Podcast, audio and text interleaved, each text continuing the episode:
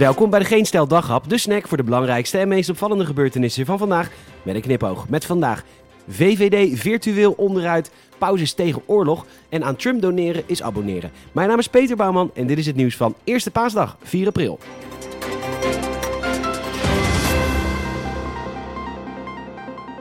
Maurice de Hond heeft er na de perikelen van vorige week maar eens een peiling op losgelaten. En wat blijkt, het land straft Rutte af, maar de VVD blijft de grootste. Als er nu verkiezingen zouden zijn, zou de VVD zes zetels verliezen, maar ze blijven de grootste met 28 zetels. Ook de PVV verliest een zetel en er zijn geen hele grote winnaars, want de rest van de zetels worden verdeeld tussen D66, FVD, Partij voor de Dieren, Volt, Boer, Burgerbeweging en ja, 21. Wie Rutte wel zou kunnen verslaan? Pieter Omtzigt. Hij zou, als hij een eigen partij zou oprichten, op 27 zetels komen en daarmee de grootste worden. Ja, als er nu toch eens verkiezingen zouden zijn. Risico op een leugenachtige minister-president. Risico op doodsbedreigingen als je een grap maakt. Risico om uitgescholden te worden als je net een andere mening hebt. Risico op klappen als je op zondag op het museumplein bent. Risico om niet voor de zomer geprikt te worden. Risico dat Albert Verlin in de lokale politiek zit. En pas nu zijn we door Duitsland bestempeld als risicogebied. Dus als je naar Duitsland gaat en je hoort Ausweis, niet schrikken, het gaat gewoon om de negatieve PCR-test die je moet laten zien. Het is Pasen en Paus Franciscus pikt het niet langer. Zitten we midden in een pandemie en dan nog zijn er landen die oorlog aan het voeren zijn. Schandalig. Doe dat even lekker na de pandemie weer. Een Kalashnikov ligt ook veel lekkerder in de handen met een prik in de arm. De NOS meldt verder dat hij sympathie toonde voor de jongeren, niet te jong hopelijk, en hij prees de zorgmedewerkers.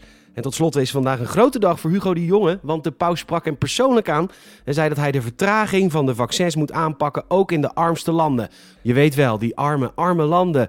Die landen die helemaal onderaan de lijstjes bungelen van hun respectievelijke continent. Je weet wel, Venezuela, Kenia, Vietnam, Nederland.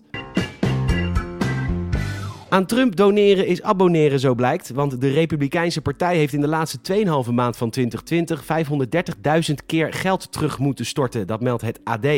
Ongeveer 55 miljoen euro. Waarom? Het donatieformulier was nogal geniepig en er stond automatisch aangevinkt dat de donatie elke twee weken zou worden afgeschreven.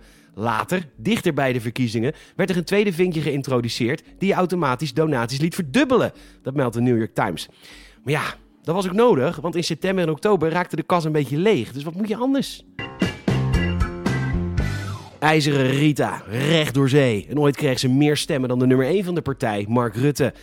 Rita Verdonk laat weer eens van zich horen in het AD, omdat ook zij een functie elders kreeg aangeboden. Natuurlijk omdat ze veel te belangrijk was als Kamerlid en veel te veel voorkeurstemmen had. In 2007 was dit al. En toen werd haar een burgemeesterspost in Rotterdam aangeboden. Het aanbod kwam van toenmalig vicepremier Gerrit Zalm. Rita vroeg dan ook wat de Rotterdammers er zelf van zouden vinden. Of wij er zelf wat over te zeggen zouden hebben. Waarop Gerrit reageerde met: Nee hoor, dat regelen allemaal wel. Gerrit Salm is gevraagd om een reactie, maar hij zegt zich daar helemaal niks van te kunnen herinneren. Of zoals Salm het zelf zegt: Ik heb me dat achteraf verkeerd herinnerd. Ik betreur dat ten zeerste. Vught is op deze eerste paasdag in de ban van de wasbeer. Waar het beestje vandaan komt is niet bekend, maar hij woont er toch al zeker weken. Een buurtbewoner spreekt er zelfs van dat het beest er al een jaar zit. Een nieuw wild dier in Nederland is natuurlijk altijd spannend. Al voelt het totaal niet zo, want er staan honderden mensen om de boom heen waar het beestje vertoeft.